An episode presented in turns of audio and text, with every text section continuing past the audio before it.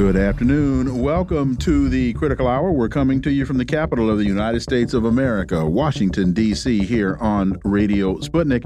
I'm your host, political scientist, author, and nationally syndicated columnist, Dr. Wilmer Leon. I'm joined here by my co host, political analyst, Garland Nixon. Thank you, Wilmer. For the next two hours, we will explore and analyze the salient news stories that are impacting the global village in which we live.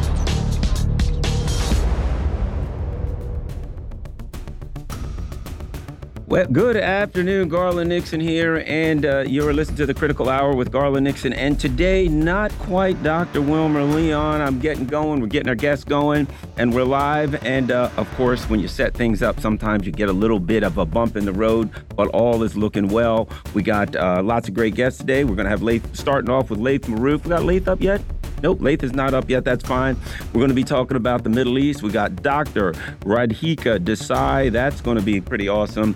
And uh, of course, Mark Sleboda. You know, we always got Mark Sleboda. So we're going to start off talking about the Middle East.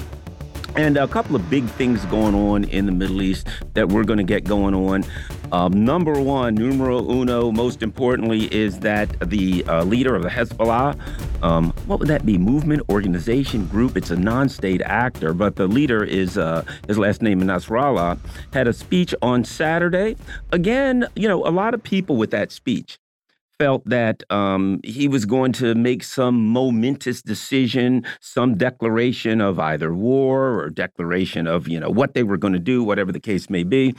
And I think what um, we saw from uh, from Hezbollah, the leader of Hezbollah, and, and, again, I believe that this is something that is coordinated um, between the leaders of of the resistance movement, is um, a pressure campaign. I think, and he even used the word pressure. And I think what we're looking at is that um, rather than some big clash, and I think the leaders of the resistance movement throughout the the Middle East and and and, uh, and beyond understand that um, a big military clash is not in the best interest of anyone. That that could lead to you know certainly there's tragic deaths in Gaza going on, but that could lead to many more millions of of, of tragic deaths, and ultimately um, there could be a, a, nuclear clash that could be devastating to the world. Um, and I think what's going on, in my humble opinion, uh, right, wrong, or indifferent, but again, it's my opinion. I think what's what we're looking at is um, a long-term approach that sees that if that that recognizes that if they continue to pressure uh, the U.S. empire, which is let's face it, the the the um, the, the, the is Israel as it is, is is is controlled by the U.S. Whether we want to believe it or not, the reality is, if the United States doesn't provide the the weapons, the money, etc., Israel cannot continue with its uh, with its military action. And I think that the uh, the the the the resistance forces in the Middle East recognize that over the course of time, the United States and Israel will not be able to maintain the offensive actions that they're taking due to the internal pressure, which would be various um, actions taken against forces, American forces in the Middle East, and uh, uh, certainly internal pressure throughout the U.S. empire, such as um, any number of um, um, instances where the people are blocking uh, ships, they're blocking uh, trucks and and and movements going in and out of the various um, uh, um, companies that make uh, military hardware, et cetera. So there's a lot going on. Well, here's what we're going to do. We're going to take a couple seconds. We're going to see if we can dig up uh, dig up uh, uh, our next guest, Laith Marouf, and we're going to go from there. You're listening to the Critical Hour.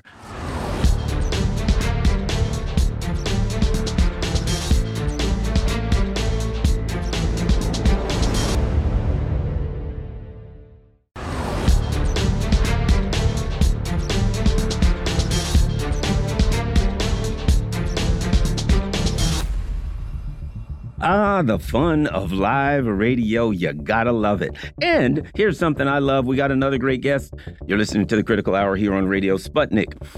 There is speculation that European voices are moderating as German Chancellor Olaf Scholz proposes a dialogue with President Putin. Joining us now to discuss this and more, we've got Mark Sleboda. He's a Moscow based international relations security analyst. Mark Sleboda, welcome back to the Critical Hour.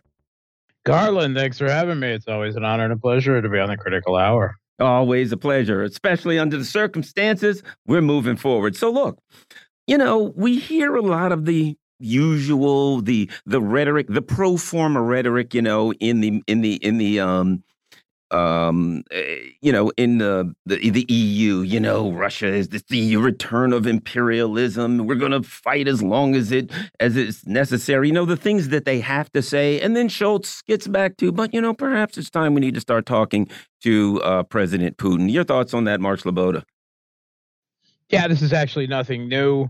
The German uh, Prime Minister Olaf Scholz uh, uh, back in June announced that he was ready to talk with Putin and Russia's not interested in talking with him.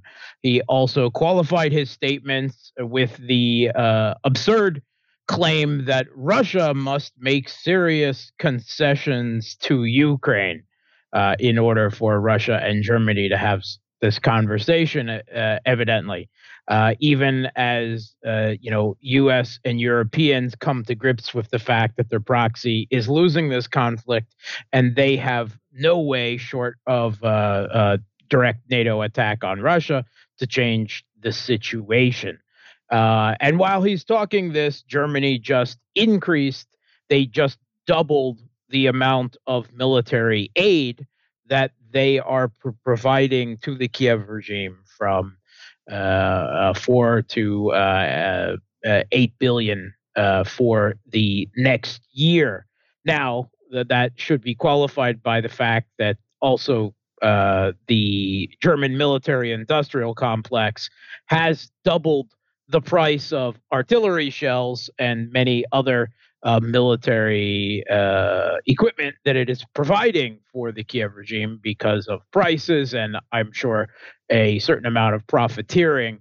Uh, but uh, I would say that the German uh, government is giving mixed signals, saying once again they're willing to talk while at the same time doubling down on uh, military aid uh, to their proxy regime in Kiev. Well, you know, Mark, we've got two things going on here, and one of of them is the the um, the NATO people can't they can't ever drop the narrative you know either ukraine's winning or at worst case scenario there's a stalemate. They can't they cannot uh, you know deal with this thing from the perspective of what's really going on on the battlefield and how that affects their ability to um, negotiate. My thoughts is this. Let's be frank why what does what does Russia need to negotiate with? If I'm Russia, if I'm the leader of Russia, I'm looking at that thinking this thing is in the process of collapse. The Kiev um, regime is spiraling out of control. All I got to do is keep doing what I'm doing, and it's going to fall apart in front of me. So, your thoughts on that, Mark? Yeah, exactly. I mean, from the rhetoric we're hearing from Western leaders, uh, you know, uh, the the idea that the conflict is in a stalemate a stalemate is the new Ukraine is winning. Eventually, they'll they'll come around a few months from now into admitting that that Kiev is losing, uh, but they are still obviously not in the political or mental space where they are willing to accept any conditions for the proxy regime that Russia would find acceptable. And what Russia would find acceptable uh, has not changed since the start of the conflict except actually to to grow uh, to from to include uh, recognizing uh, Kherson and Zaporozhia as well as the Donbass uh, have chosen uh, in referendums to leave Ukraine uh, and to join Russia in due no small part to the Kiev regime's assault on the political, cultural, language, and and other rights of the people uh, of East Ukraine, as well as, of course, this denazification, the demilitarization of the country, and the fact that it any Ukraine that is left at the end of this must uh, cannot join NATO and must revert to the neutral status that it had constitutionally before the U.S. backed putsch overthrew the government in 2014. Well, here's the other thing I think that, uh, uh, well, let me ask you about this. you know, recently I've read that a um, within the last week that a train overturned in Russia. There was a and and um, that suspected that the Kiev regime was up to their usual, you know, uh, terrorist, what I consider pinprick terrorist attack. Certainly, if you're on the train, it's not a pinprick, but in the context of the conflict and how it can materially affect the out materially affect the outcome, it's a pinprick. So here's my thoughts on that as people are saying, you know, as we're starting to hear, maybe we should talk, maybe we should have some kind of, uh, you know, uh, discussion about how to how to end this thing. As Russia sees terrorist attacks, to me, that makes the Russians look at it and say, you know, what these people are terrorists. How can i have a discussion with them? How can i have a uh, expect any kind of a reasonable outcome when they're actually simply going to continue their terrorist attacks? I would think this maybe within the kiev regime is meant to um, put a damper on any possibility of negotiations or uh, maybe they're just terrorists and it's just what they do. Mark. Yeah um, i would agree that the Kiev regime has conducted uh, what can be considered terrorist attacks, the uh, uh, car bombings that assassinated Daria Dugin, the bombing uh, the cafe to target uh, the the former Ukrainian uh, Russian Donbass blogger um, Vladlen Tatarsky, um, shelling of residential areas, dumping cluster munitions on residential areas of Donbass continually. Uh, however, this I would I would probably characterize as sabotage, as an attack on a piece of infrastructure that can be used for military and economic purposes. It is essentially, you know, it, it generated a headline. We're talking about it no big thing. It was repaired within hours. They derailed the train. Uh, they had to reload some fertilizer, and uh, no one was killed as a result. Uh, but you know, they they will of course continue to strike back in any way that they can. Uh, be that uh, legitimate sabotage uh, with diversion and reconnaissance groups uh, crossing the border, or some of the more explosive and terroristic attacks that they have made. Uh, that will not end uh, probably until the regime in Kiev is removed.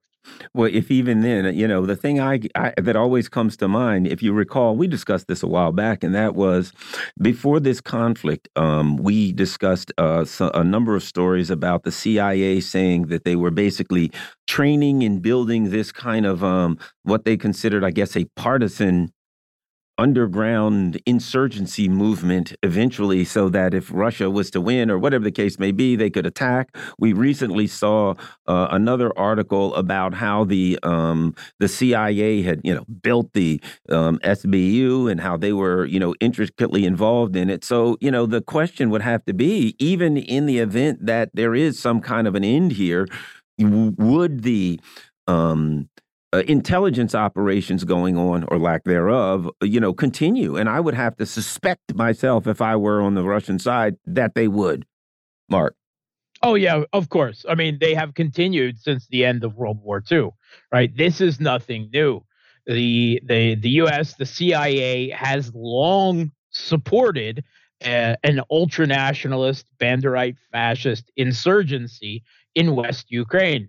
They did it in the early 50s. They actually led an insurgency, many of them former Waffen SS veterans against the Soviet Union. The CIA parachuted them in and, and tried to lead them in an insurgency on the ground, something that's completely left out of U.S. history books, uh, but has become public knowledge because of uh, Freedom of Information Act requests. So there's a long history of the CIA doing uh, in uh, Ukraine exactly this to target Russia. And uh, it will almost certainly continue um, after the end of this conflict.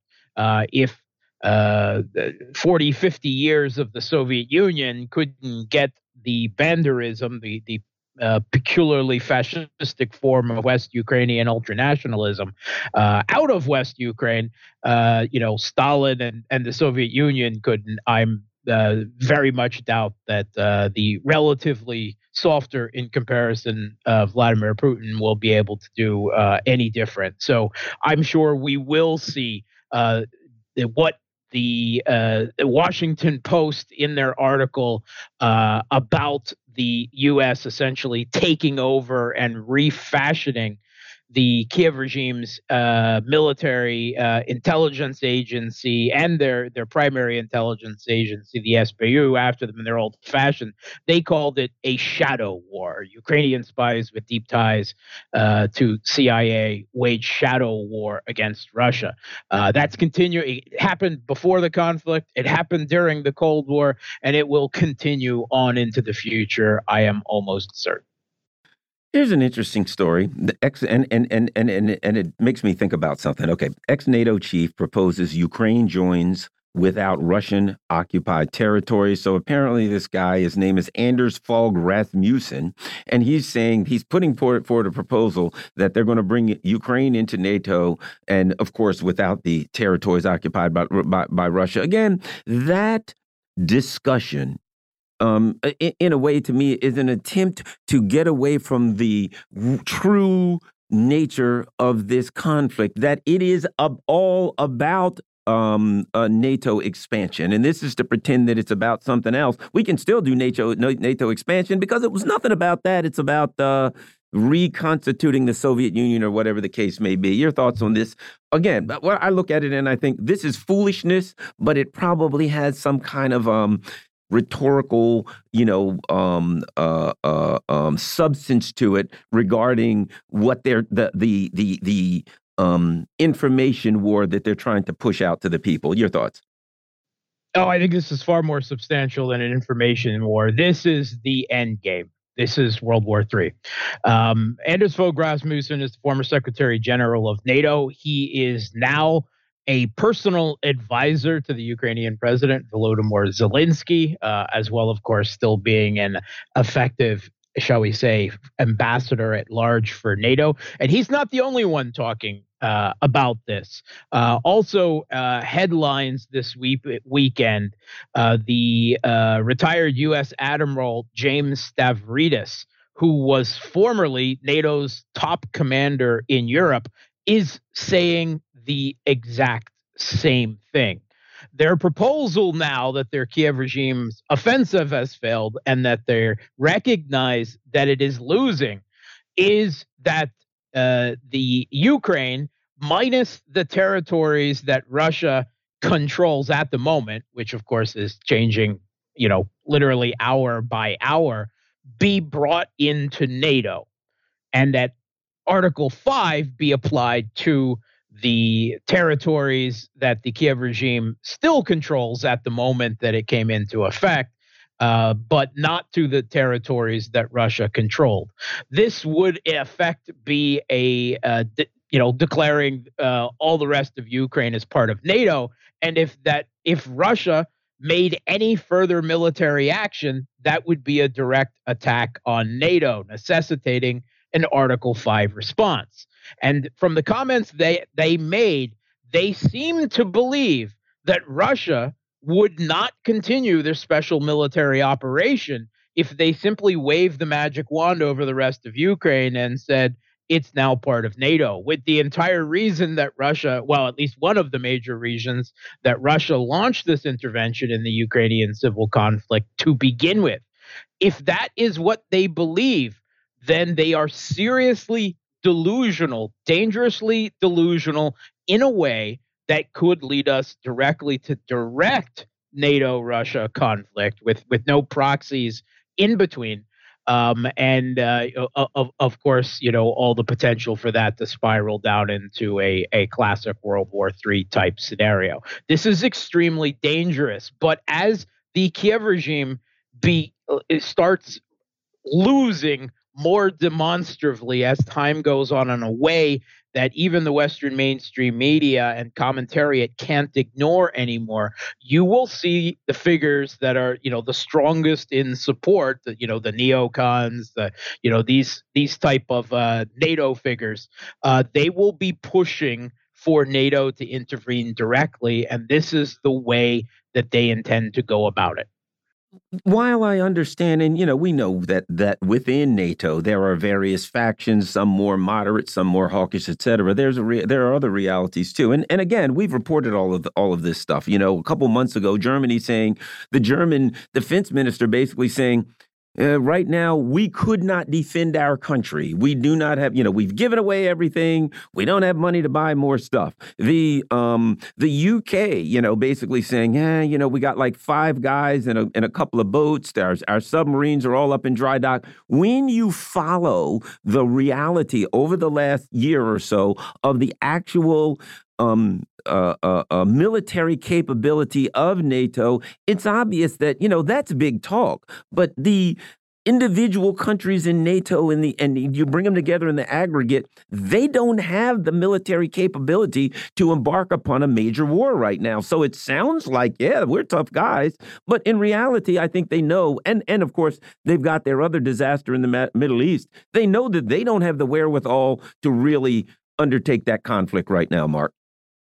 I would say that you know, in scope of a larger conflict, they do. But uh, these uh, NATO and because the U.S. dominates NATO um, uh, planning wise, uh, these uh, officials, many of them former military, they have a very strong belief in the power of U.S. and to a lesser extent NATO air power meaning both aircraft and the capability of long range strikes like cruise missiles.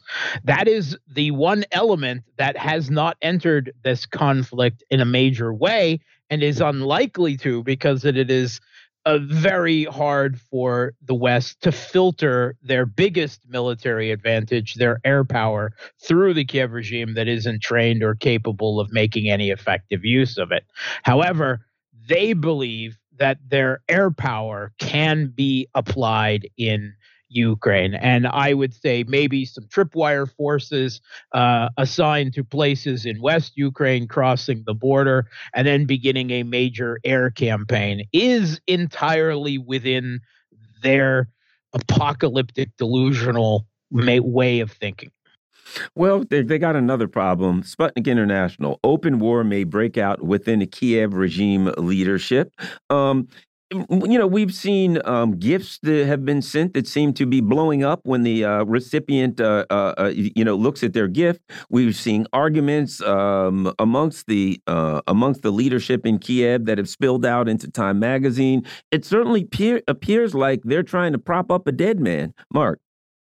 Yeah, I mean, we've uh, you know been talking about this repeatedly for the last few weeks. Uh, the the Western media, I mean, the papers of record are talking openly now about a political rift, a, a rift in the Ukraine, the Kiev regime in Ukraine between the political leadership uh, of uh, the uh, president of the regime, Volodymyr Zelensky, the former comedian, and the Kiev regime's Banderite uh, fascist top general uh, Valery Zaluzhny. Uh, and there seems to be a lot of political maneuvering going around. Just in the last 24 hours, less than 24 hours, we have words coming out of the Kiev regime's media that a further three top military officials close to Zaluzhny have been removed from their positions, being effectively fired by the president, by Zelensky. So um, that would make a total of five uh, over the last couple of weeks. Four of them being removed from their positions by firing them, and one of them being removed from his position, uh, either as a result of a moronic accident or a political hit with a grenade in his birthday present. Take your your your pick of of of which story, uh, which version of that story you want to believe there. But it does seem that there are very substantial cracks that are starting to appear. And yes, the I think the potential for open uh, um, you know, conflict, if you will, maybe war is too strong a term, but open conflict, cracking of the regime between the political and military leadership, between Zelensky and Zaluzhny, is, is something that we're right on the edge of. It. Well, you know, in that one of the guys has already been blown up. I think we're past the edge of it. I think we're in the spiraling out of control part. The Kremlin dismisses uh, Bloomberg's quote Putin's backyard unquote phrase about Kazakhstan as absurd. I read that the President Putin had visited Kazakhstan, had discussed some various economic things about them. But is isn't it interesting how the U.S. empire looks at Latin America, that's our backyard. And then they apply that to Russia as though Russia sees these countries in a hierarchical manner in the same way that the U.S. empire does, Mark. Yeah, this is the imperialist mindset. And Russia immediately responded to these comments that, uh, you know, actually, Kazakhstan is an independent and sovereign state we have respect for that sovereignty, unlike you who don't seem to have respect for uh, the sovereignty of, of countries uh, anywhere in the world. Um, and uh, um, actually, um, you know, it's it's not even you know uh, correct in in any sense of the way. Actually, the compli- the situation, the relationship between Russia and Kazakhstan is complicated right? Uh, they have uh, some very strong thing uh, points. Uh, you know, uh, Russia and Kazakhstan both part of the Collective Security Treaty Organization, both part of the Shanghai Cooperation Organization, uh, both part of the Eurasian Union and the Commonwealth of Independent States trading bloc, but there's also a vein of nationalist politics uh, politics within uh, the you know Kazakhstani uh, political sphere. Uh, there is another branch that uh, would prefer to lean closer to China. There are um, issues, um, nationalist issues with a very substantial Russian minority, some 40%, particularly in the north of the country. The situation is complicated.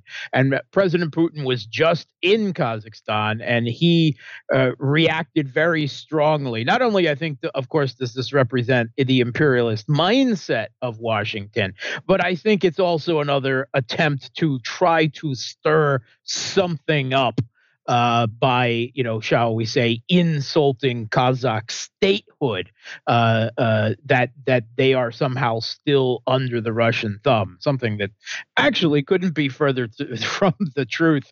Uh, like I said, in the the you know much more nuanced political relationship between Russia and Kazakhstan. Now, if I'm not mistaken, what, isn't Kazakhstan the country that sometime uh, before the the, uh, the the SMO there was like an attempt to overthrow the government, and uh, Russia sent in a bunch of peacekeepers or something to that effect. Wasn't that Kazakhstan?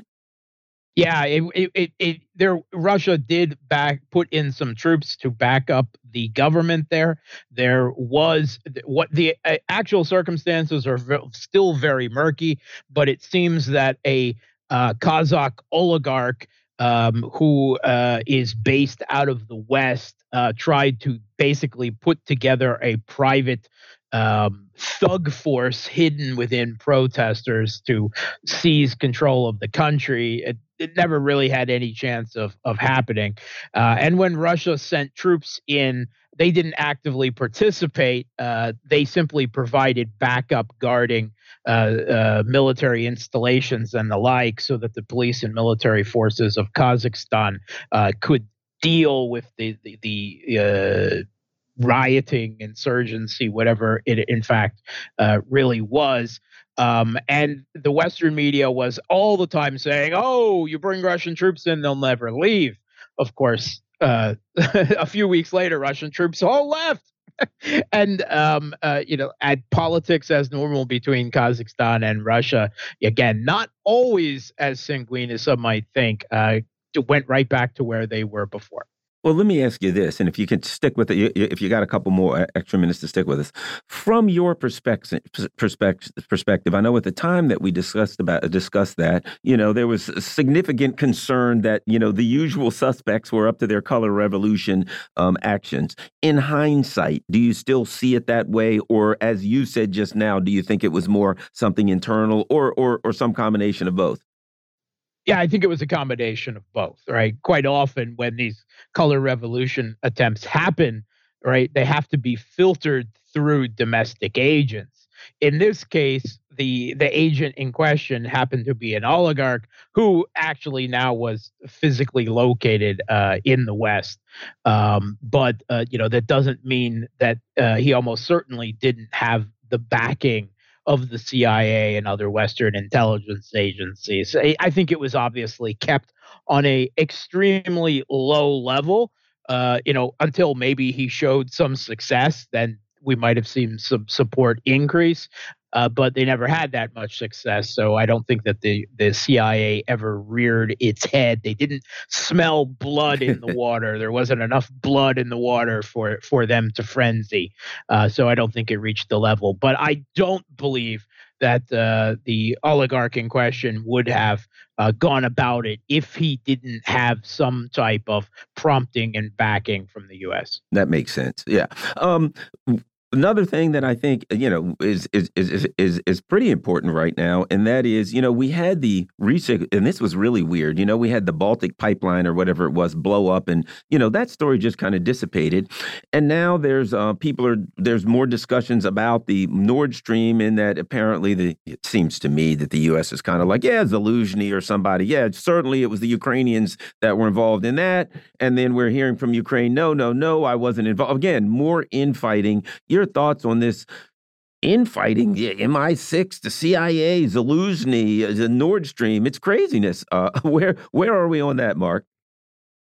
Yeah, this actually gets more interesting because there was a report out at the end of last week. Once again, the Washington Post reporting on it, uh, pointing to a particular Ukrainian military officer um, who they claimed was the head, the man behind the rando group of Ukrainians. The guys the in the, the six of them story. in a sailboat. Uh, those particular. Yeah, guys? yeah, yeah. That this is this is the one. Yeah, the story now is that this one uh, Ukrainian military officer, mid-ranking kind of guy, arranged all of this, but he was operating under the orders of Zaluzhny. Um, uh, of, of, course, this is a ridiculous cover story. It, it, it, doesn't hold up to the slightest amount of scrutiny. And the individual involved has angrily responded to the Washington Post story uh, uh, in quite colorful terms.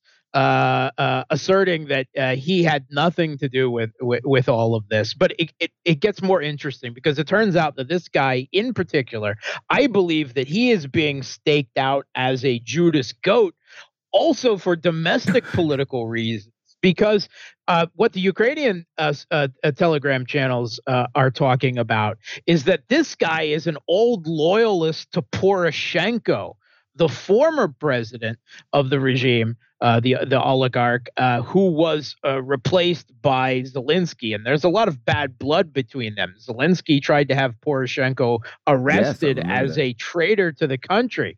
So this guy is being staked out because of his political loyalties as a Judas goat.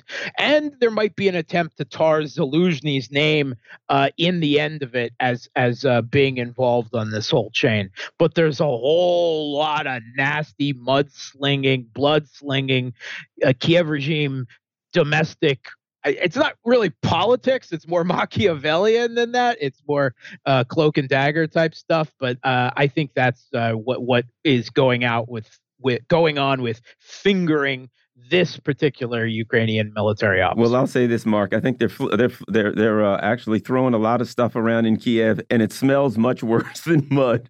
Mark Sleboda is a Moscow-based international relations security analyst. You're listening to the Critical Hour on Radio Sputnik. I'm Garland Nixon. There's more on the other side. Stay tuned.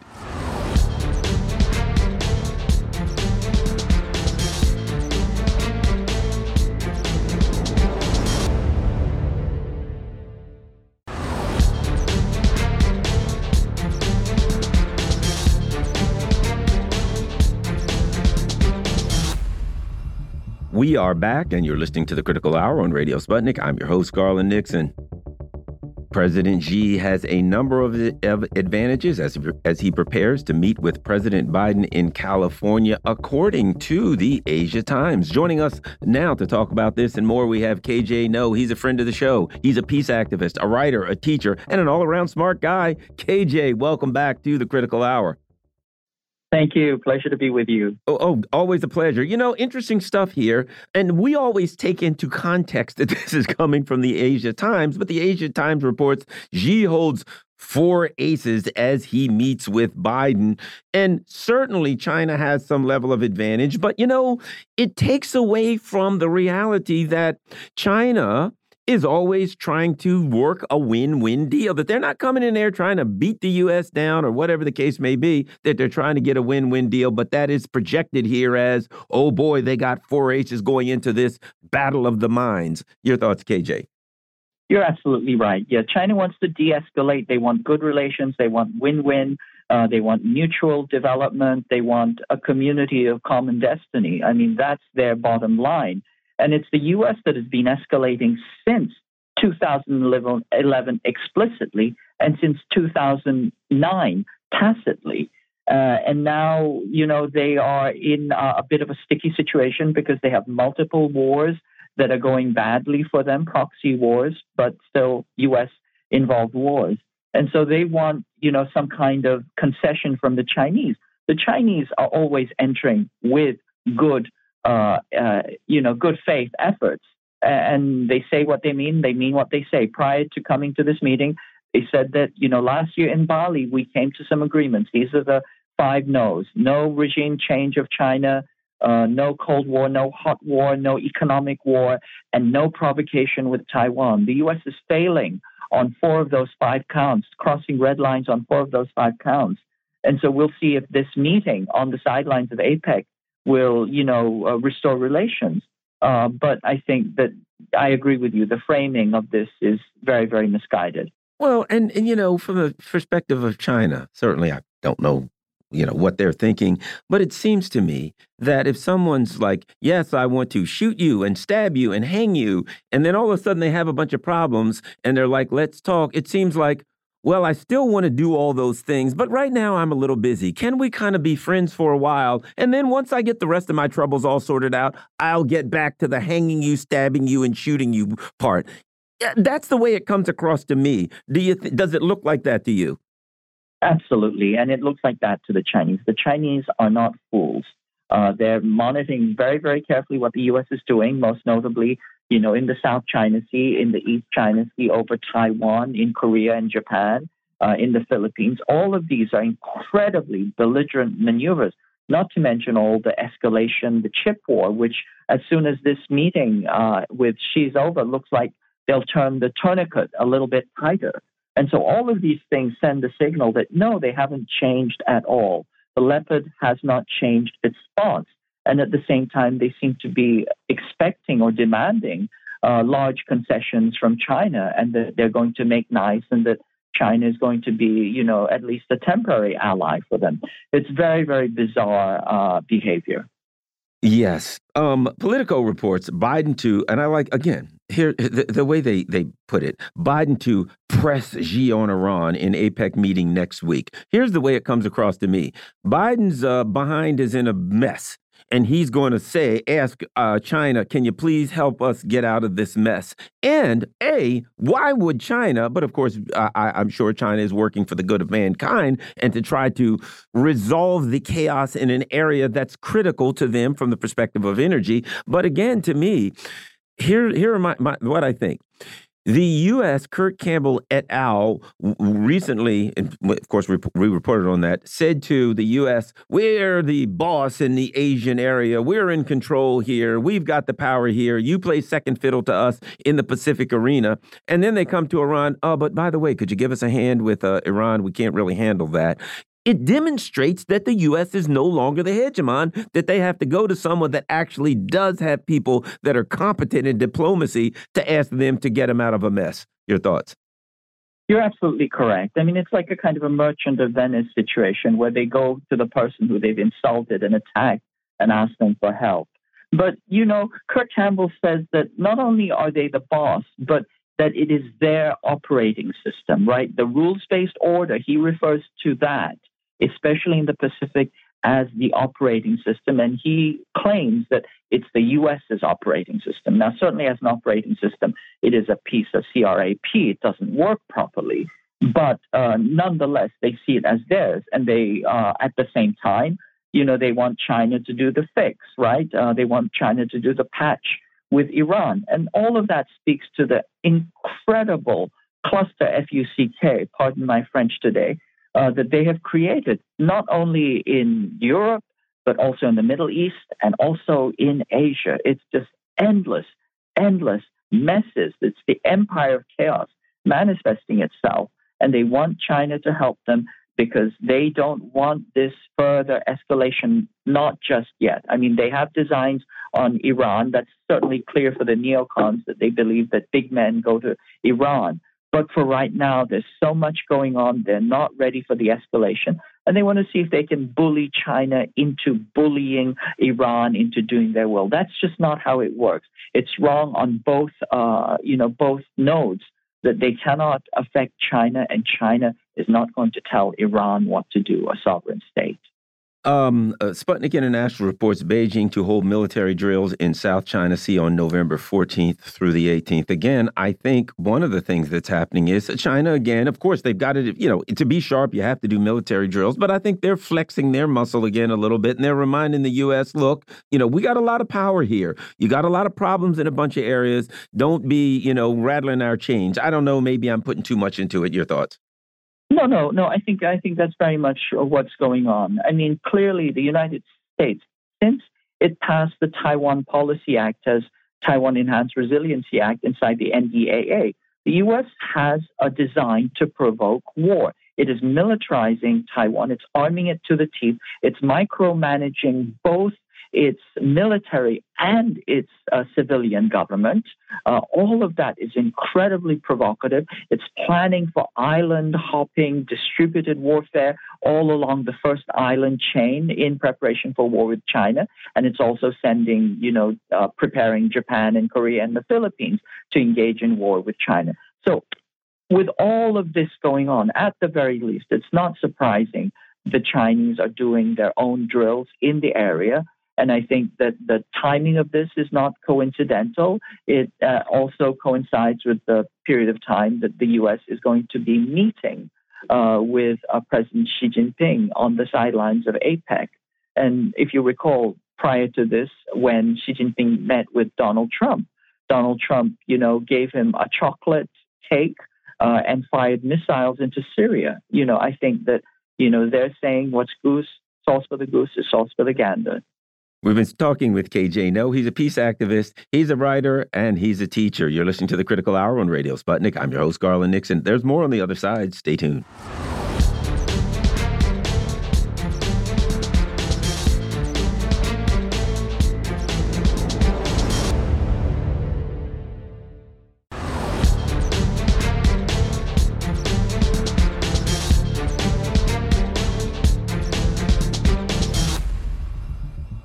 We are back, and you're listening to the Critical Hour on Radio Sputnik. I'm your host, Garland Nixon. GOP presidential hopefuls are clashing over social media corruption. Also, Nikki Haley goes out, goes all out on hawkish anti-China rhetoric, and Vivek Ramaswamy has punched back. Joining us to talk about this and more, we've got Misty Winston. She's a political commentator and podcast host. Misty Winston, welcome back to the Critical Hour. Hey, my friend, thanks for having me. Hey, so by the way, let's start off with this, Misty. I know you're a podcast host. Where can people find you out there? Uh, so I have a show Monday through Friday at 5 p.m. Eastern on TNT Radio, which you can find at tntradio.live. All right, let's start here with Tim Scott. You know, Tim Scott, um, he's the I guess, you know, I'm going to say what I think. He's the token black Republican guy. He's the taken up for the pizza 999 buddy. And it was his job. And he's hung around for a while and gave given us all of the, you know, traditional GOP rhetoric. And all of a sudden, he just woke up one day and said, nah, I'm out of here. Your thoughts on Tim Scott dropping out?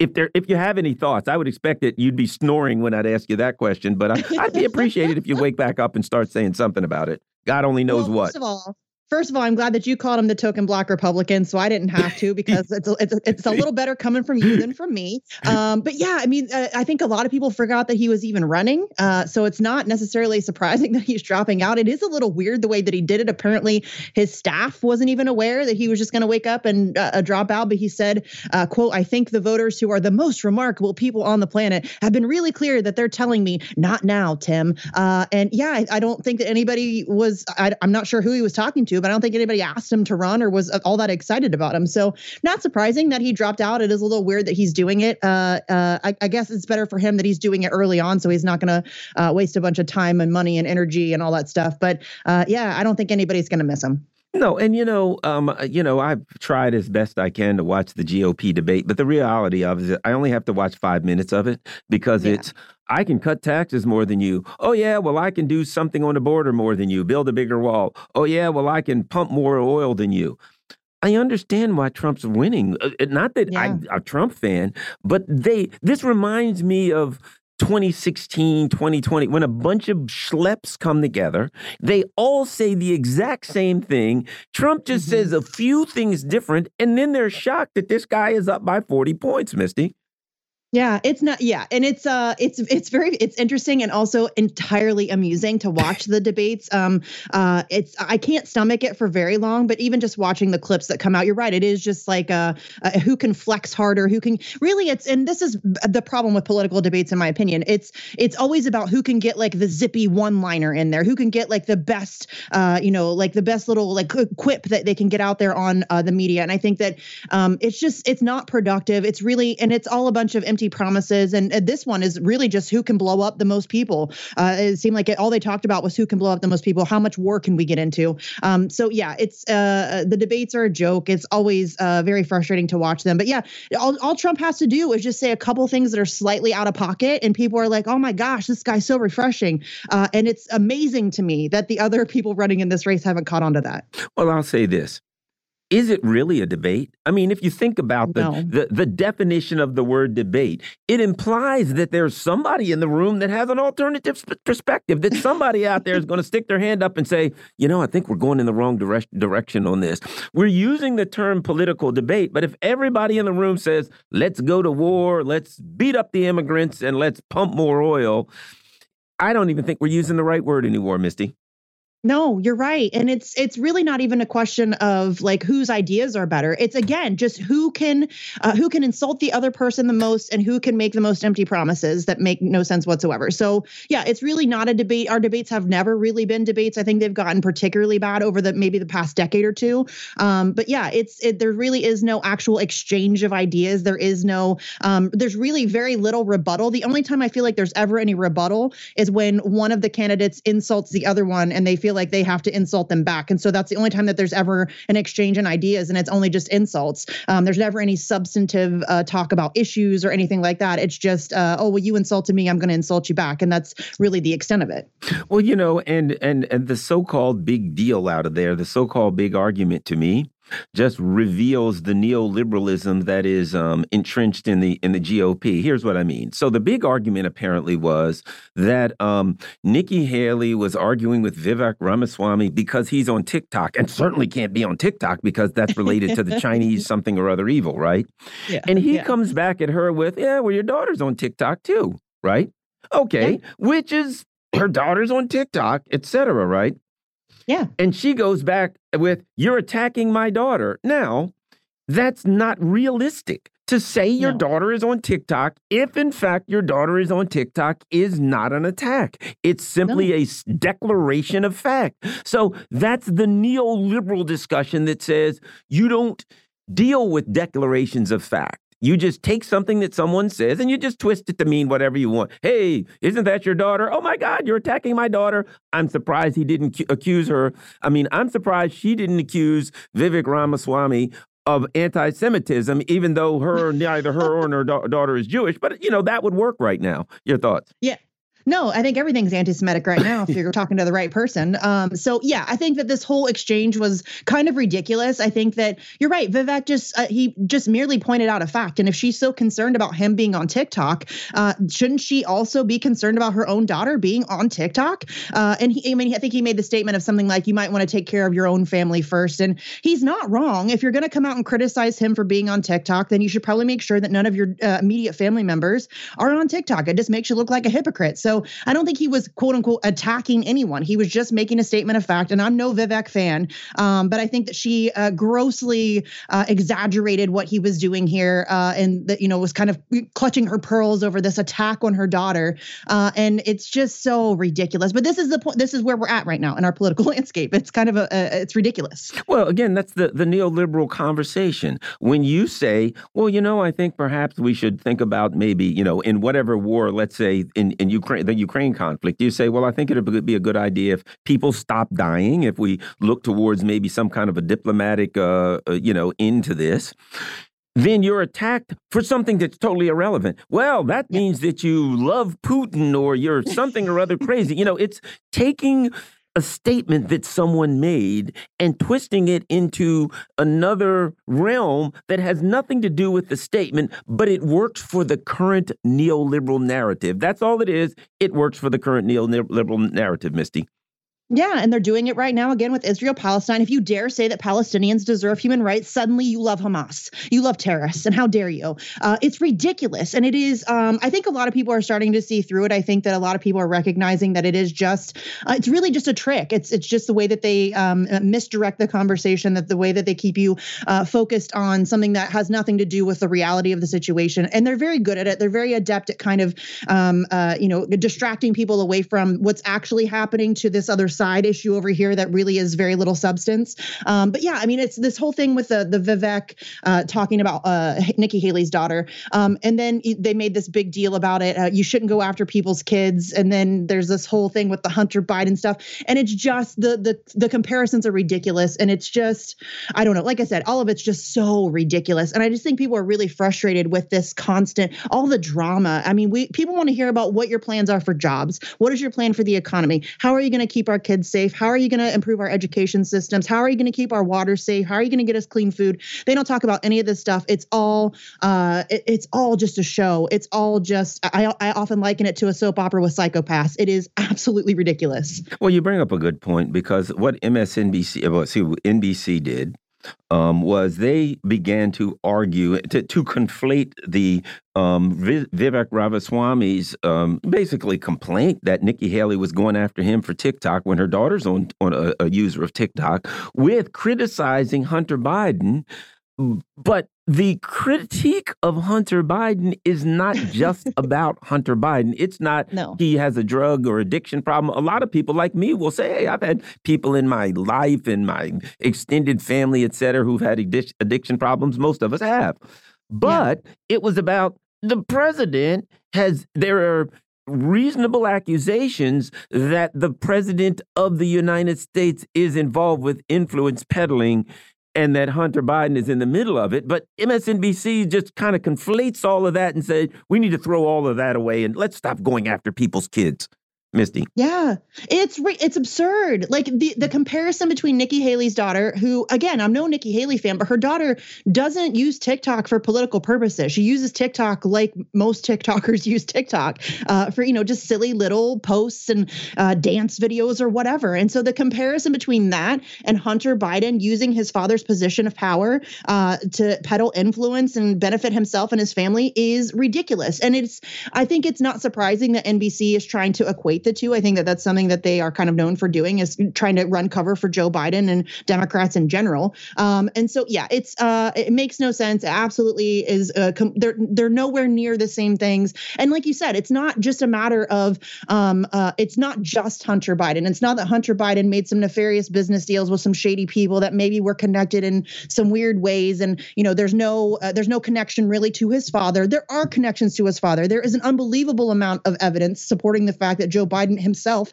was involved in these deals on various different levels, whether it's phone calls or emails or whatever it is. Uh, and just the fact that uh, Hunter Biden was using his father's name uh, to to get influence and to uh, uh, you know get himself these jobs and all of this stuff, that is a problem. It's a very serious problem. And so to equate that to you know some girl, some young girl posting on TikTok is ridiculous. But I mean that's NBC for you. Right, because to me, uh, I'll be frank, the biggest part, the biggest um, part of the, the, the most important part of the whole Hunter Biden um, issue is to me the FBI because Hunter yeah. Biden or Joe Biden they could be charged, they could not be charged, they could come and go. Five years from now they'll be out of office, whatever the case may be. The fact of the matter is, we now have credible evidence that the FBI worked to hide the Hunter Biden mm -hmm. scandal. They worked to go after people who were trying to put it on on the air. They went after the New York Post with stories. The FBI was in the middle of this thing. To me, that's the big scandal there. We got about 30 yeah seconds. Or, yeah, or about and the a way minute. that they also the way that they also use their influence to go after social media companies mm-hmm. to get them to take it down. They took the New York Post off their Twitter account, all of that stuff, hugely uh, problematic. And I think that that's something that everybody should be discussing. And it has nothing to do with TikTok and some girl posting on there. You're absolutely right. The FBI literally had the Hunter Biden laptop for a year yeah. And when the when the when the election came around, they went to the social media companies and said, "You know, if you hear anything about our Hunter Biden laptop story, it's Russian not true. It's a Russian disinformation, and you should just get rid of that." They literally yeah. did an influence operation in yeah. the 2020 election. I mean, that's criminal activity, and yet they're charged Trump with 150 charges. Yep. Misty Winston is a political commentator and podcast host and a friend of the show. We enjoy having you on. Thanks a lot, Misty. You're Thanks for having me. You're listening to the Critical Hour on Radio Sputnik. I'm your host, Garland Nixon. There's an entire another hour on the other side. Stay tuned.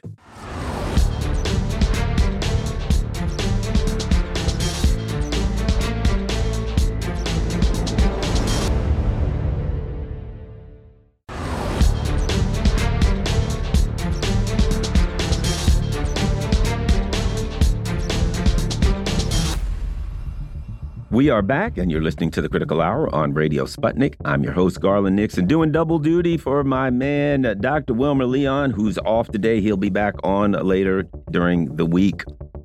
The Ukraine project has come around to the inevitable need for a diplomatic ending through pragmatic dialogue. Joining us to discuss this and more, we have Professor Nikolai Petro. He's a professor of political science at the University of Rhode Island, specializing in Ukraine. Professor Petro, welcome back to the Critical Hour. Thanks. Nice to be with you, Garland. Branko Marcetic has written an interesting article called A Bitter Vindication for Ukraine Doves. After alter alternately ignoring and vilifying advocates for restraint in Ukraine, the foreign policy establishment is coming around to restraint. You know, and we've had you on on here, and we've talked about uh, uh, you know the necessity for ending this thing through a pragmatic diplomatic dialogue. And I think that this is an excellent article. Eh, sure, there's some holes in it. That fair enough. But your thoughts on um, on on on the argument that Branko Marcetic makes here? Yeah, he um, summarizes where we are, um, but it doesn't mean it will come to pass. There's a lot of a, a lot of objection to peace and people who uh, clearly advocate for war, including uh, Anne Applebaum in the Atlantic Monthly and the Washington Post editorial column today. Uh, the warmongers uh, still feel they are on the right side of history and have uh, platforms to advocate for their position. You know, um, uh, we we've also reported, and I'm sure you've seen it, that there was there's like some former leaders of, of of NATO that are saying we should, you know, of course, double down. What we need to do now is accept that Russia has taken certain parts of Ukraine, and we'll just drag the rest of it right into NATO, and we'll do Article Five, and boom, off we go into World War Three. Because hey, we don't have enough trouble in the Middle East right now.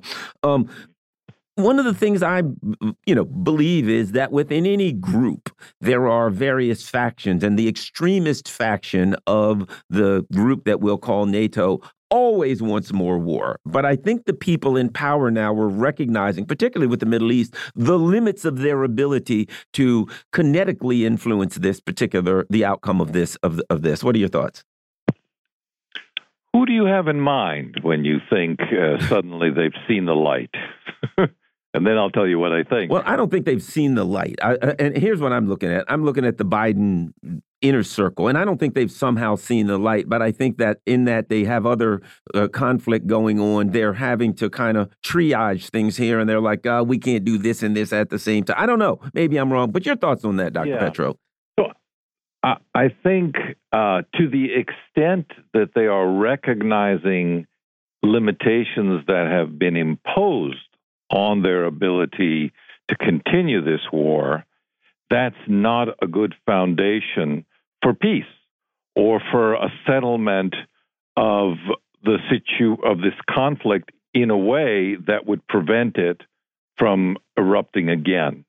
And I think that's something to bear in mind. Uh, there's a difference between uh, having a ceasefire that is temporary that is imposed because of the constraints that we have to be conducting wars in other parts of the world versus actually having a solution that would lead to a permanent peace.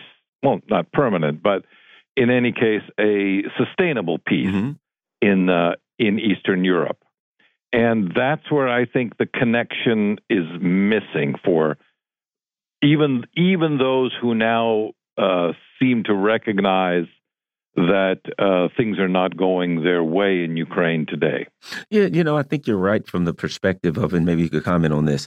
In order to, um, you know, uh, you know, you've, I'm sure you've, you know, in teaching many, various problem-solving models, right? The one, um, yeah. the one define you use as an acronym, and the very first word of that acronym is define the problem in order to have a solution, if you look at this and you say, what we've got is a um, we've got a stalemate right here. Well, they don't have a stalemate, and then they pretend that they have a um, a, uh, a, a government in Ukraine that is stable right now. That's kind of spinning out of control. They got assassinations, people getting fired. So, without being able to accurately define the issues that they're dealing with, um, the only thing that that I see that can happen eventually is some level of political slash military collapse in Ukraine that has to be put back together as opposed to a serious discussion that starts with the definition of the problem.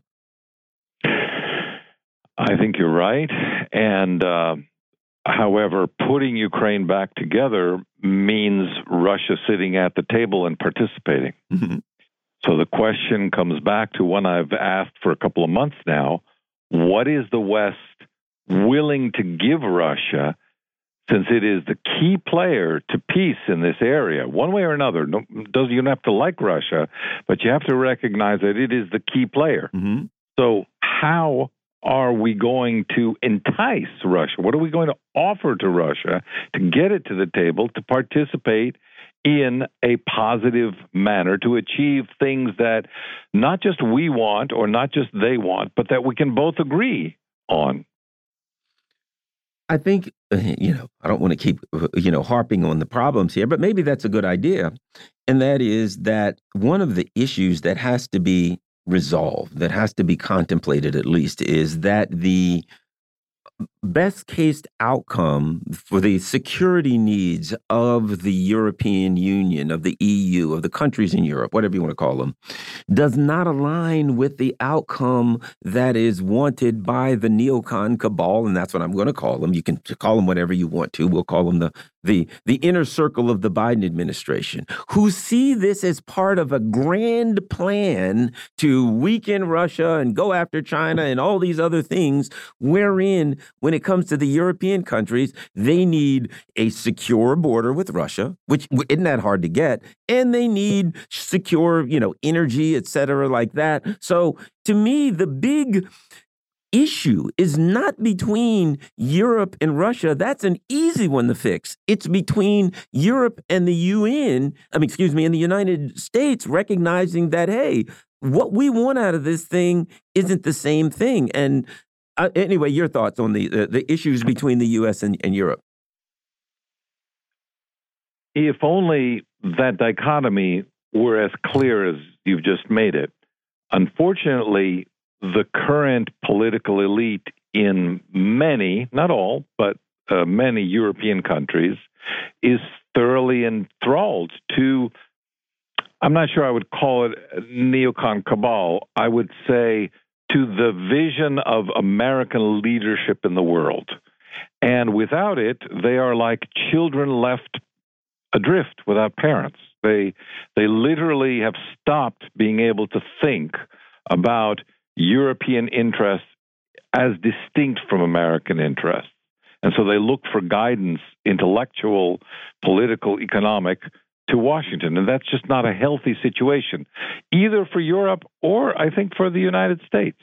Well, let me ask you this. I think what we're talking about, I, am going to I'm going to put it like this: the ideology of empire. If we define empire as an ideology, right? The ideology, the belief that the best thing for the world, at least for us, is for the U.S. empire. And if you're in Europe, we're part of, I view myself as part of the U.S. empire. The best thing for us is for this empire to be dominant in the world and continue its domination. Therefore, we got to go along with the whole Brzezinski weakening Russia and on off to China and the Middle East and all of this other stuff. So it's the ideology of empire. But we're seeing in some of the polls and other things the it, there's an obvious division between the ruling elite in Europe and the people on the street who are starting to get, let's just say, anxious about how it affects their day to day lives and their, you know, economic viability. Um, your thoughts? I, I I didn't know you were you were such a romantic, Garland, about democracy. You actually think the people matter. well, we'll see. I think elections can matter, mm-hmm. um, but and there are a number of key elections coming up, and more will come up. If things continue as they have been in the last six months, I do think the election tide in Europe will swing away from the current political consensus. And leaders will emerge who will begin to ask serious questions about whether United States leadership is really the best path for their country to take and will begin to assess uh, the possibility of reestablishing mutually beneficial relations with Russia. Exactly how that will evolve, though, that, that may take too long for the well being of Ukraine. I'm not sure Ukraine can survive the time it needs for that new consensus to emerge. Speaking of new le leadership, the Asia Times reports why is the West moving to replace Zelensky? The U.S. has a history of trying to choose Ukraine's leaders. Well, you know, we can look at many, many countries that you could replace Ukraine when just say to choose leaders, but there are signs that. Uh, um, uh, Zelensky's uh, grasp on power, if he ever really had any, is tenuous at best. Your thoughts on the hints that are coming out that you that the uh, Vladimir Zelensky could be out of power before this radio show is over? No, no I think I think that's uh, a little harsh. Okay, uh, I think uh, Zelensky is a national figure and he's an international figure. You can take down international figures, but there are serious costs to you and your credibility involved. And and I'm speaking, you know, as uh, speaking from the perspective of the United States. If the United States were to, or some groups uh, within the United States and other countries should say, well, we've had enough of Zelensky. Um, it's not at all clear that the alternative to Zelensky would be a better one for them. And I think there's a, a, a great deal of conservatism uh, when it comes to uh, enacting policies of this nature uh, uh, there's not a rhetorical conservatism. The, the, rhetoric can can go to the high heavens uh, in terms of its ambitions, but uh, when it comes to implementing changes practically, you can't always, or you can almost never see all the consequences ahead of time. So you, most analysts uh, within government, I think, tend to be cautious about whether we'll get a better deal by replacing one leader with another. Well, the other uh, uh, uh, uh, part of that discussion is is it the West that replaces Zelensky with the internal instability, with the history of internal instability and violence, shall we say, in Ukraine?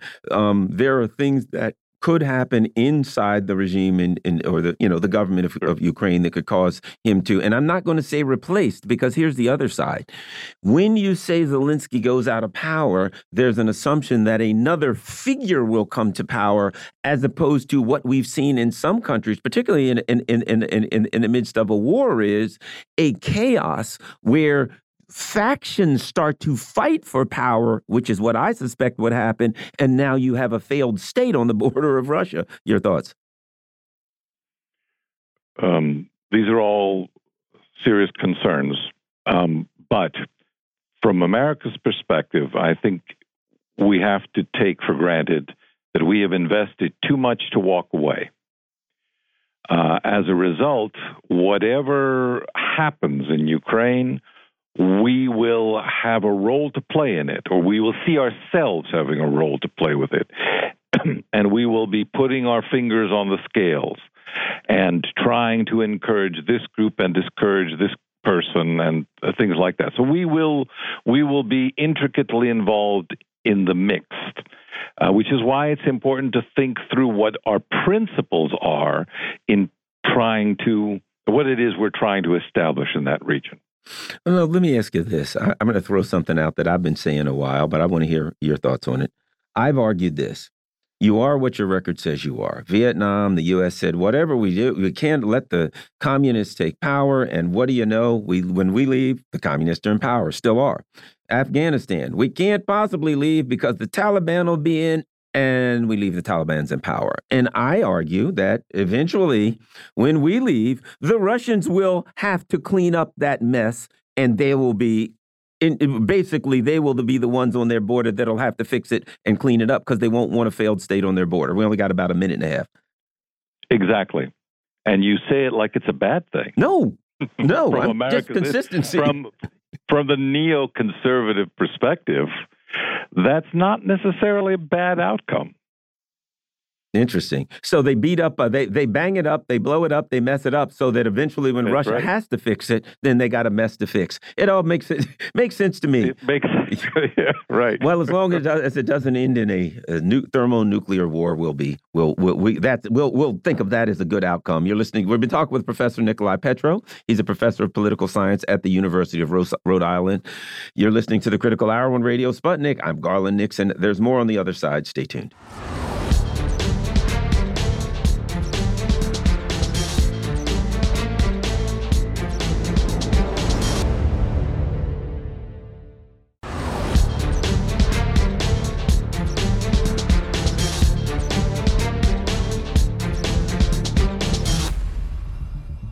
We are back, and you're listening to the Critical Hour on Radio Sputnik. I'm your host, Garland Nixon, doing double duty for uh, Dr. Wilmer Leon, who will be back on later on this week. Even Jake Sullivan is admitting that the scourge of neoliberal capitalism is unsustainable. Joining us to discuss this and more, we got Max Reed. He's the president of the American Student Union. Max, welcome back to the Critical Hour.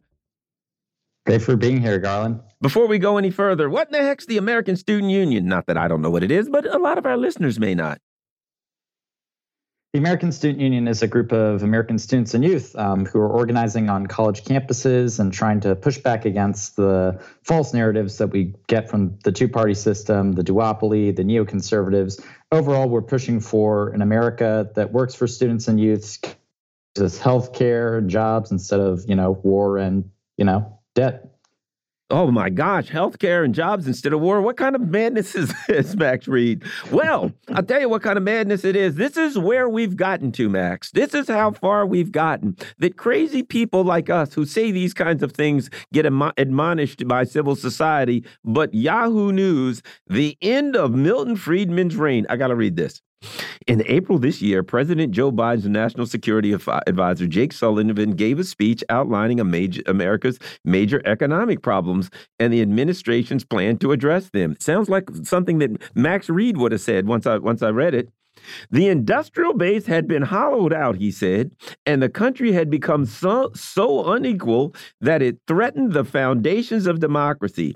He identified one assumption that had fueled these transformations the idea, quote, that markets always allocated capital productively and efficiently, no matter what our competitors did, no matter how big our shared challenges grew, and no matter how many guardrails we took down. It seems sounds like we were listening to Jake Marx there. Your thoughts on this, Max Reed?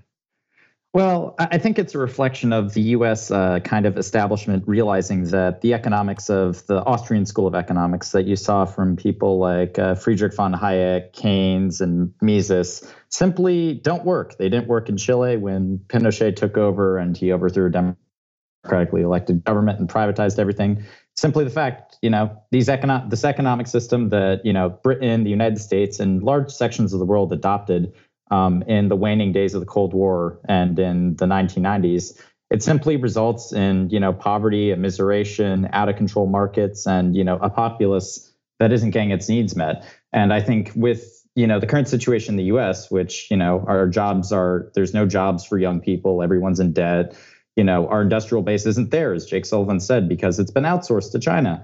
Um, that that isn't China's fault, of course. That China just has a more effective economic model than we do at this point. point, and the chickens are coming home to roost. Um, this economic system, based in monopoly capitalism, exploitation, it's not sustainable anymore. You can't sustain, you know, the military-industrial complex without a strong police force throughout the world, and we don't have the manufacturing capability to, you know, send troops wherever we wanted to, like we did during the Cold War when we still had jobs, massive industry, and the ability to like economically challenge foreign powers. We can't do that nowadays.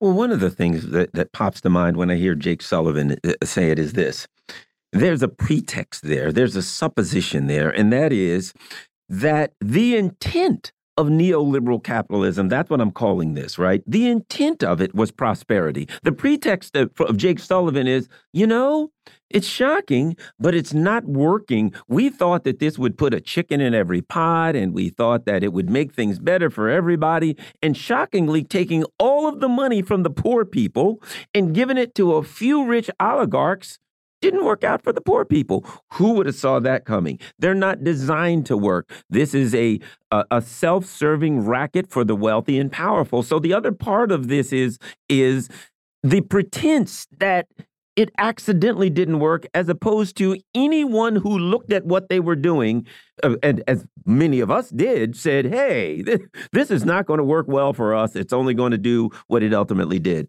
Max.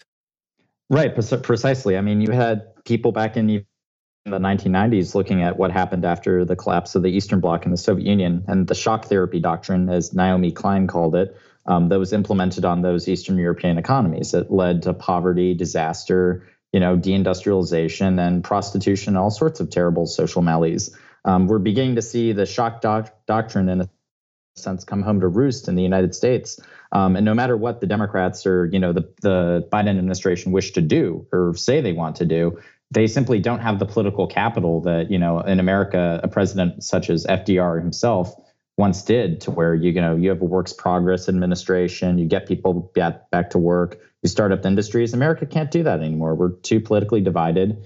And frankly we don't have a president who has the respect of the american people and of that stature that they could implement a program like that at least not within the two parties. Well here's an interesting sentence from this article.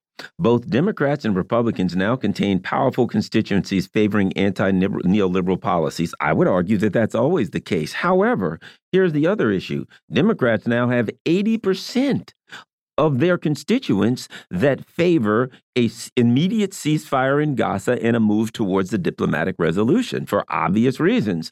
And they're not paying any attention to that. They certainly aren't going to pay any attention to the powerful constituencies that, constituencies that favor anti-neoliberal policies because the leaders of the parties are filling their filthy pockets using the neoliberal policies. Max.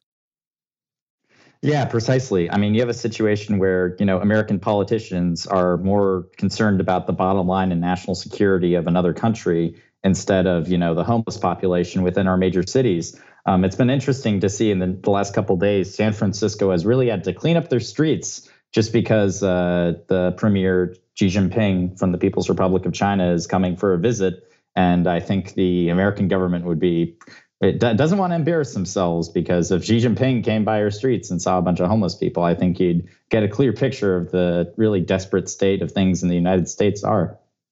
And you know, the other thing about this article is it goes on to talk about Milton Friedman as though this whole neoliberal thing is about Milton Friedman. He was just one of the prophets of, of, of neoliberalism. But as we saw when it was first put forward in, let's say, Ronald Reagan, when he really came forward with it, one of the first things that happened was they deregulated uh, the savings and loans.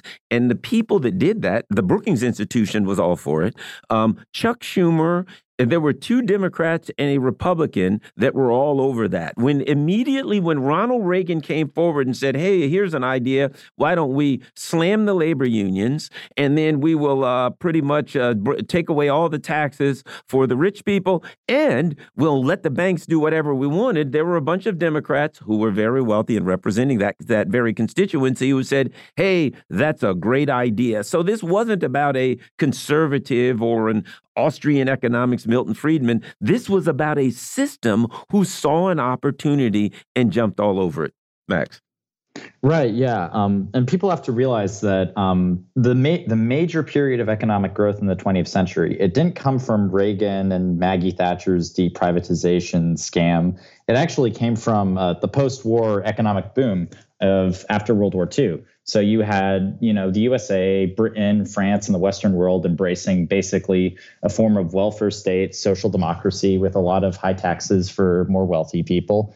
And at the same time, you had the socialist countries, Soviet Union and China and the Eastern Bloc, you know, embracing central planning and, you know, the socialist mode of production. So both of those systems although one was capitalist with some welfare and one was socialist, they both stressed state management and regulation of markets. And this was the period where we saw the most economic growth, the most people lifted out of poverty, and the biggest advance in living standards. So this fantasy tale that, you know, oh, the market is going to save, you know, is going to lead to the growth of the middle class, it's a fantasy tale. I mean, the middle class itself was created through FDR's programs, the GI Bill, and various other post World War II economic measures um, that have carried over and now really don't exist anymore for American youth.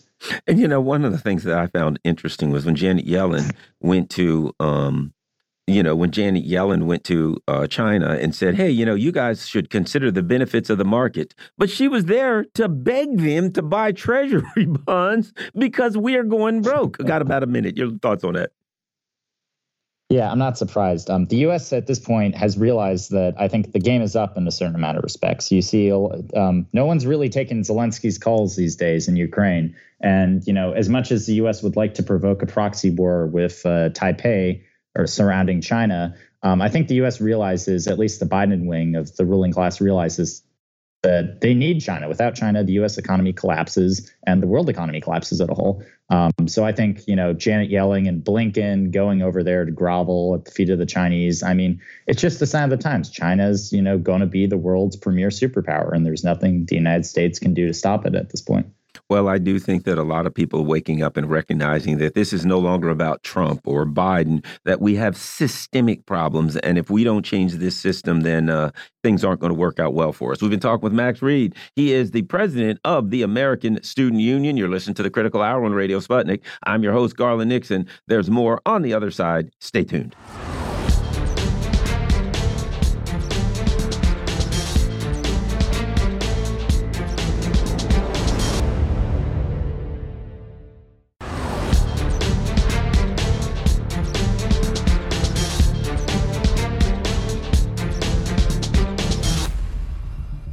We are back, and you're listening to the Critical Hour on Radio Sputnik. I'm your host, Garland Nixon.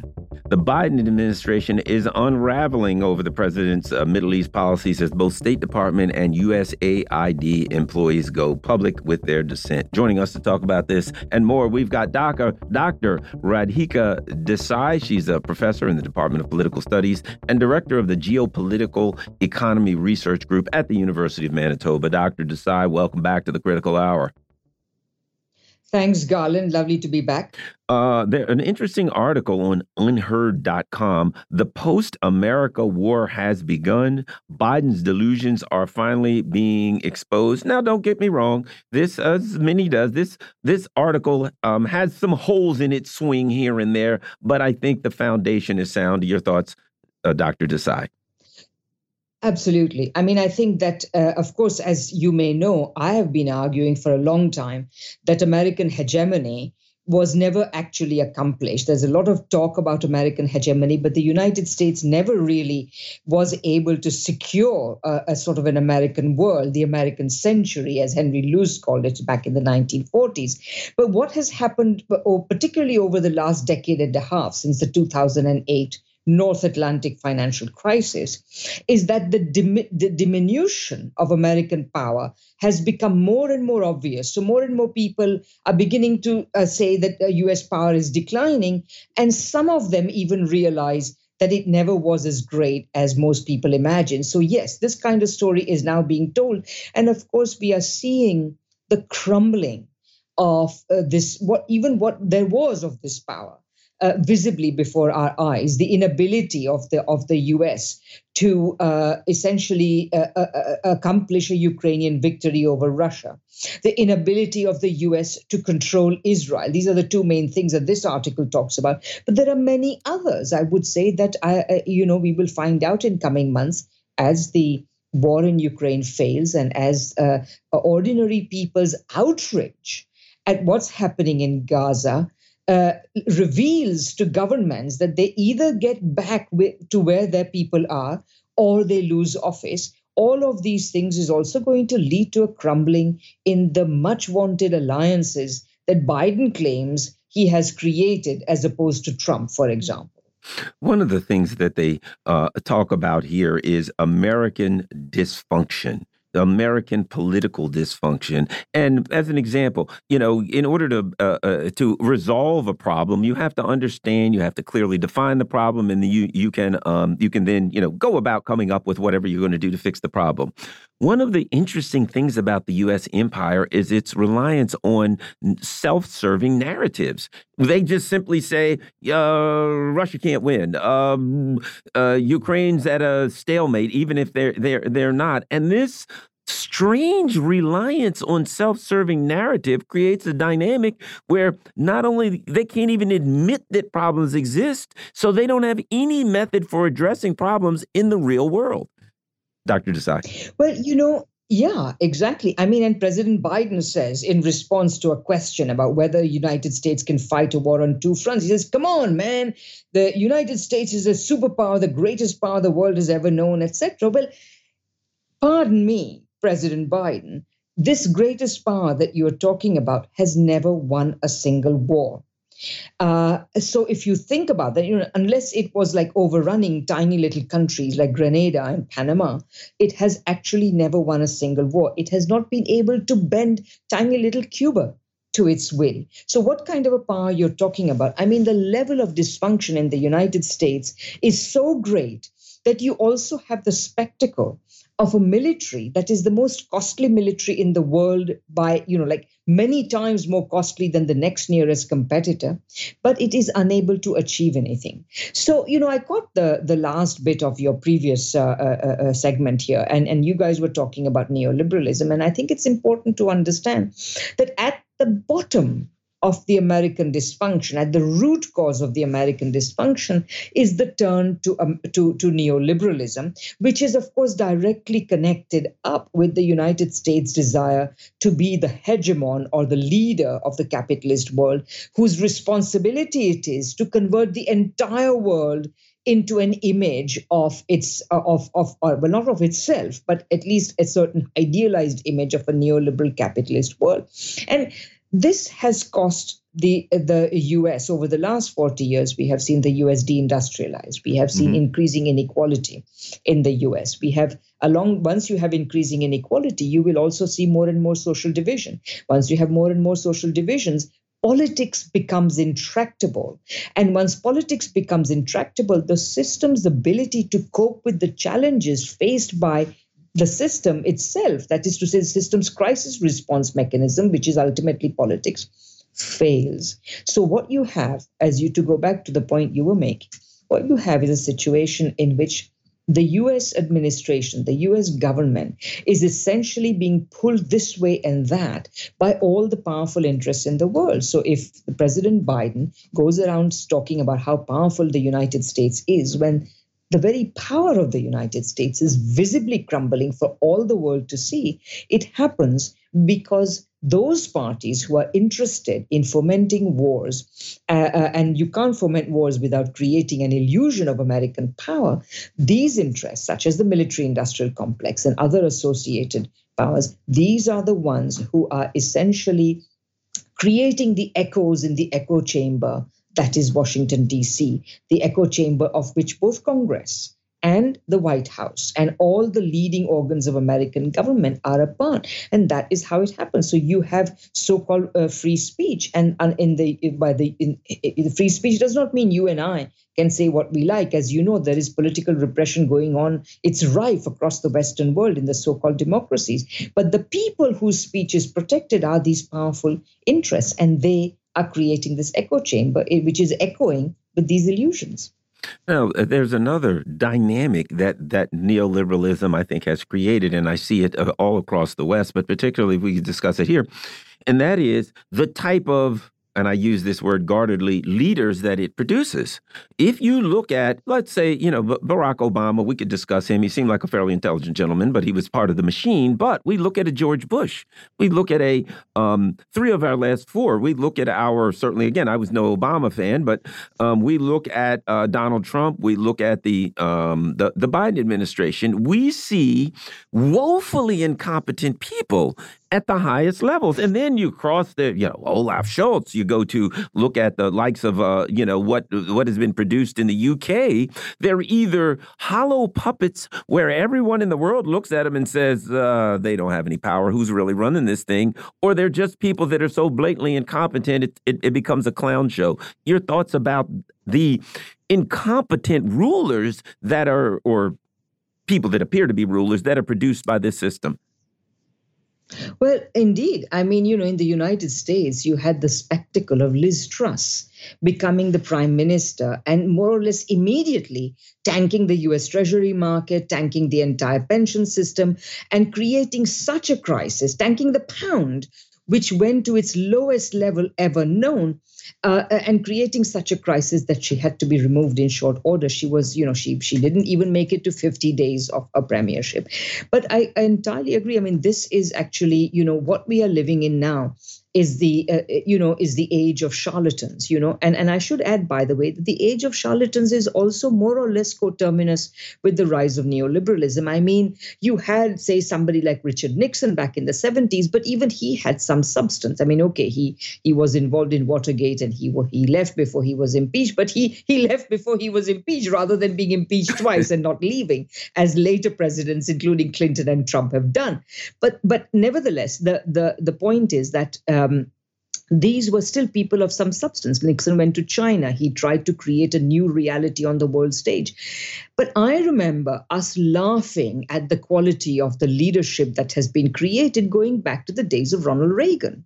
And so, throughout the neoliberal era, what has happened is that more and more charlatans, people who are not necessarily interested in leading their country, they are not they're not necessarily people who have a vision of what to do with their country. All they are doing is they are essentially for them becoming a top level politician, whether it is a president or a senator or whatever this is just one more box to tick, which will allow them to make more money in the future. Look at Tony Blair. Tony Blair was president of, of Britain for, for, for whatever, 13 odd years.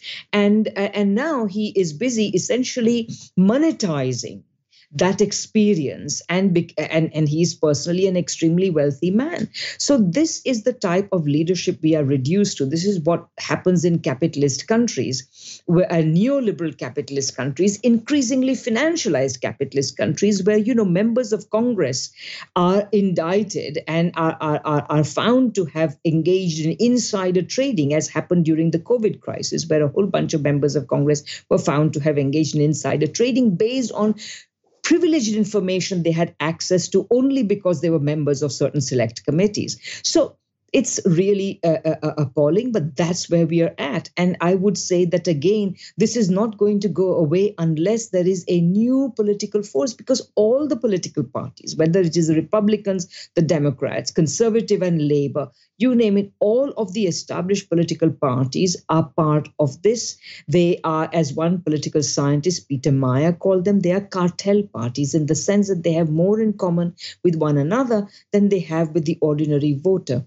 And the distance between the voter and those they are electing is growing more and more wide today in the so-called democracies whereas by contrast in the those who are leaders are pleased to call autocracies whether it is china or russia the ruling the, the, the, ruling structures have far more legitimacy than our ruling structures have here in the west. The other thing i'd like to ask you about is the international infrastructures. You know after after the, uh, 1945 the us built these international infrastructures to help to cement its hegemony on the world. And one of them that is you know the imf the world bank et cetera but one of them that it is converted or used for that is the UN. And what we're seeing now with what's happening in the Middle East is that the that um uh, uh uh uh, uh, I don't know you know the the the, the fight between the so-called rules-based international order US hegemony and international law and the United States and the, and the United Nations that fight is starting to come to a head and it's coming out in the open. Your thoughts about that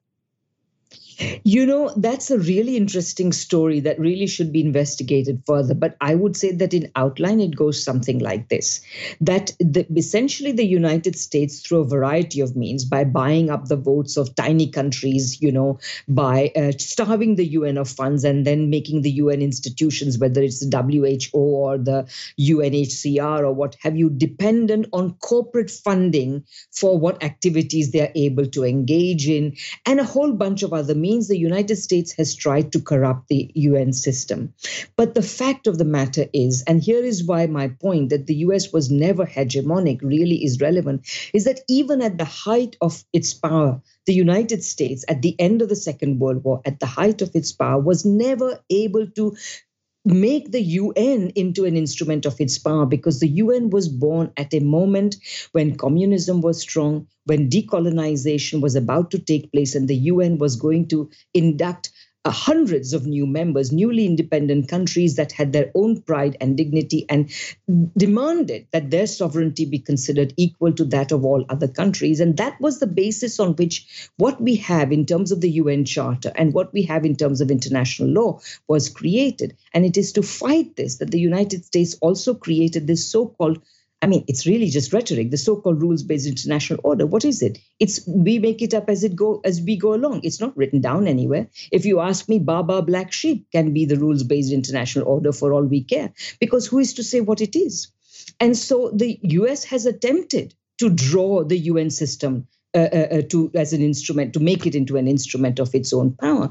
But it has failed and i think that today the voice of the majority of the countries and peoples of the world is making itself heard and i hope that it will make itself heard more loudly and clearly and rest the un which does have many of the basics we need for a fair and equitable world order wrested back from the clutches of the united states and establish a true international fair and socially just order in which every country is free to pursue development in its own fashion in ways that serves it best. Well, I think the leaders of the U.S. empire are squeezed right now. They're caught between what's you know they're they're caught between a, a, a numerous forces that to me at the forefront in the Middle East would be of certainly the the leaders of the um, Israeli, the very extremist right now leaders of the Israel of, of the Israeli nation uh, of, of, Israel, the pressure that's being put on by the various resistance forces, and of course, and this is the important one, that um, neoliberals are afraid of, that totalitarian totalitarian leaders are afraid of, and that is internal uprising. We're now seeing the State Department, we're now seeing the government of uh, the Biden administration start, start to turn inside out, and people are on the streets by the millions. Tremendous pr uh, uh, pressure on the leaders of the empire. How can they respond to that?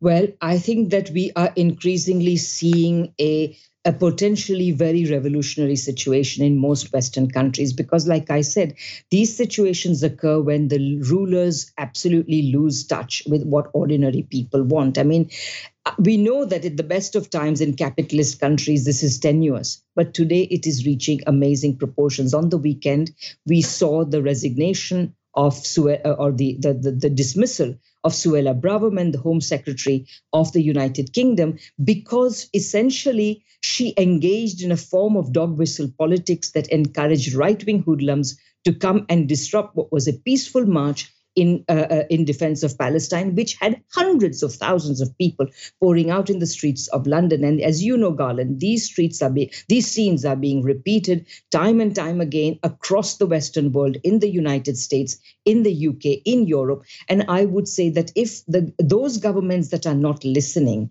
are going to meet their end very soon, and I would say that the people have also realized by, for example, when things like this Braverman case that they can have their say. They can have their say they can make a difference. And i think once they realize that because for the throughout the neoliberal period they have been deprived of an effective say in politics. You know you can vote for labor or you can vote for the conservatives but or you can vote democrat or republican but you will just get one or the other flavor of neoliberalism. Well that no longer works uh, certainly, and you know the, the, I think the important thing is you know we've been talking about there was there was there's no anti-war movement, there's no real opposition now, and I think that the the the crisis in the Middle East, the fact that people now you know with social media are seeing the violence and brutality, I think that makes a difference. We got about thirty seconds. Oh, absolutely. I think the fact is that uh, every one with a cell phone today, everyone with a computer today, everyone with uh, uh, with any sort of device that allows them access to the things that the mainstream media is blocking, they now can see for themselves what's going on. And I would say that this is also, of course, going to be a reckoning time for the mainstream media. All right. Well, thanks. Thank you very much. We've been talking with Dr. Radhika Desai. She's a professor at the Department of Political Studies and a director of the Geopolitical Economy Research Group at the University of Manitoba. You're listening to the Critical Hour on Radio Sputnik. I'm your host, Garland Nixon. More on the other side. Stay tuned.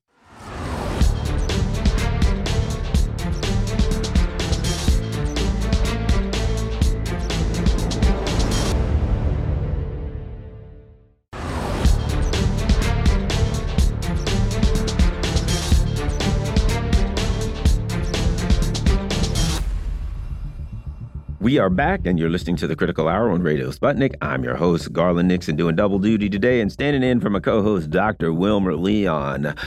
There's a new UN report that details rampant U.S. human rights violations at home and abroad. Joining us now to discuss this, we have the author of that piece, um, uh, Professor Marjorie Cohn. She's a professor of law at the Thomas Jefferson School of Law in San Diego, California, and former president of the National Lawyers Guild. Professor uh, Professor Cohn, thank you uh, for coming and welcome back to the Critical Hour. Thanks for having me, Garland. Go to truthout.org and you got to read this article. It's very good. UN report details rampant U.S. human rights violations at home and abroad. Two thirds of U.S. breaches of the civil and political rights covenant involve racial discrimination. I think this is an important particular um, article with go what's going on in the Middle East uh, now more so than ever. Your thoughts, Dr. Cohn? Well, in almost every facet of our lives, and also uh, very a lot of issues abroad, the Human Rights Committee found that the U.S. was in violation of its obligations under the International Covenant on Civil and Political Rights. That's a treaty. the U.S. has ratified, which makes it part of U.S. law under the Supremacy Clause of the Constitution, which says treaties shall be the supreme law of the land. And yet, in almost every area, the U.S. is out of compliance, violating the treaty. Can, well, can I, ask, can I ask you a question real quick? That being said, so does that, I guess technically I'm asking you, that means that these violations that you've articulated on your article at truthout.org would uh, could actually be considered prosecutable, actionable. These are violations of law, correct? Well, it's not quite that simple. Okay. We're talking, this is not a criminal treaty. It's not like the Rome Statute for the International Criminal Court. But there are ways that um, that they can be used to bring into court. Plaintiffs can take can, can take these violations into court. The only problem is that the U.S. Um, files what are called reservations when it ratifies a treaty. Now, these may be illegal under the Vienna Convention of, on the Law of Treaties, but um, what the U.S. says is that if Congress doesn't pass laws implementing the obligations in this treaty, then it can't be used by plaintiffs. Um, nevertheless, it can be used to, for example, the, the protection of freedom of assembly, freedom of speech, um, and uh, you know freedom of religion. Uh, a, a, lot of these things can be used to interpret um, the First Amendment to the Constitution. So they're still very important. And there is a thing called the mobilization of shame, which means that when the UN Human Rights Committee, which is the treaty body for this Covenant on Civil and Political Rights, files a report like this, it tells the whole world that the U.S. is violating all of these parts of the treaty. It shames the United States in the international community. So it's not quite that simple, but um, let me just briefly mm-hmm. tell you um, these violations. I'll, t- I'll tell you the, the general categories, and I can elaborate on any or many of them if you want. But um, they called, the Human Rights Committee called out the United States on lack of access to abortion, uh, issues of immigration and asylum, voter suppression, discrimination against indigenous peoples, um, the criminal legal system, which disproportionately impacts people of color um, the so called global war on terror, harassment of journalists, anti boycott laws, sex and gender discrimination, and discrimination on the basis of sexual orientation and gender identity, hate crimes, human trafficking, freedom of assembly. Um, these are some of the general categories, and it's. I know we don't have much time, but if you want me to elaborate on any of these categories, I think it would be quite interesting for your listeners. No, certainly. Uh, uh, uh feel free. I mean, there are a number of things going on here, and cer cer certainly, I mean, uh, you know, voting rights, etc. Yes, because um, that's important well, because the, the issue of democracy. Of, Go ahead. Yes, um, the the voter suppression was a major major focus of the report, which cited partisan gerrymandering, voting restrictions, burdensome voter ID requirements, and the Human Rights Committee said that these policies have a disproportionate impact on low income voters, persons with disabilities, and racial and ethnic minorities. And the committee also criticized um, disenfranchisement laws that target people with felony convictions, and they called out the role of dark money in elections. You know, let me ask you this, and it's uh, it, I think it's related. One of the things that you know we talk about the you know the the the um, the issue of voting suppression laws, et cetera. But but what about and and I think this is important too. The internal machinization of the machinations of the parties. For instance, a party saying we're not going to have any debates you know things like that that suppress democracy that don't bring that don't have the parts of democracy that aren't you know when you vote there are other things such as how do we determine which candidate is going to be representing us in the general election and things of that nature that's part of it. I mean, if you know, the, and when uh, Donald Trump, who's leading in all the polls, says, "I'm not going to show up at the debates because I don't have to. I don't want to make myself vulnerable." Um, yeah, eh, but, but you know, I, I don't think we should underestimate Garland the role of dark money in mm-hmm. election and the Supreme Court's um, Citizens United decision, which basically said that uh, that contributions can be made anonymously, which means that all of these uh, political action committees, um, and you know millionaires, billionaires can feed their money. This mostly ha- it happens in both parties, but it happens much more uh, on the on the, on the right wing side, um, and it's it creates uh, a real um, a real disadvantage to the voter to understanding what's really happening because they're they're able with all this money to buy uh, all kinds of commercials which are misleading, um, give their money also give their money to uh, to members of Congress um, who you know are susceptible to lobbying as well, um, and uh, you know their their campaign contributions that they give to various legislators who keep that in mind when they uh, cast certain votes. They know what side their bread is buttered on. So um, there are many threats to democracy, to the right to vote, which is, of course, enshrined in the Constitution, uh, dark money not being the least of it. The other thing you bring up that I think is very important is forcible separation at the border. I mean, one of the most horrible things for somebody to just say, "Okay, we're going to separate you from your child, your 3-year-old child," and you never see that child again, and then the government says, "We can't find them." Your thoughts? Well, under the Trump administration, more than 5,000 children were forcibly separated from their parents at the southern border. Hundreds still remain separated. Um, the Human Rights Committee urged the United States to redouble its efforts to reunite all separated children with their families and prohibit future family separations. Wow, you know, I, and I think that you know, with the discussion going on now, leading up to the elections, and you know, the numbers looking as they are for Biden. You know, I'm an independent, not that I'm thrilled with anybody one, but from what I hear in the GOP debates, it certainly sounds like if they take power, things ain't going to. They ain't great now, but they're not going to get much better at the border, and possibly considerably worse. Yes, I mean, this is the case um, that immigration is a big hot button issue, and this it didn't start with the Trump administration, but you know he he certainly when he came down that escalator and declared his candidacy and said that um, you know uh, it, it talked about uh, Mexicans being racist and criminals, uh, you know being criminals.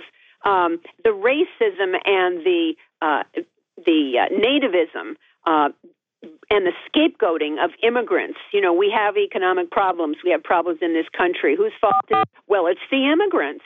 Um, and of course, you know, if you're not Native American, uh, we were all immigrants. Of course, people of, you know, African descent were unwilling uh, immigrants, but they're all immigrants. And this, it brings out the most racist not the most racist and cruelest policies because there are many, um, but certainly some of the most racist and cruel policies. This whole thing about a border wall, which, by the way, Biden is still working on uh, finishing Trump's border wall, which is an outrage.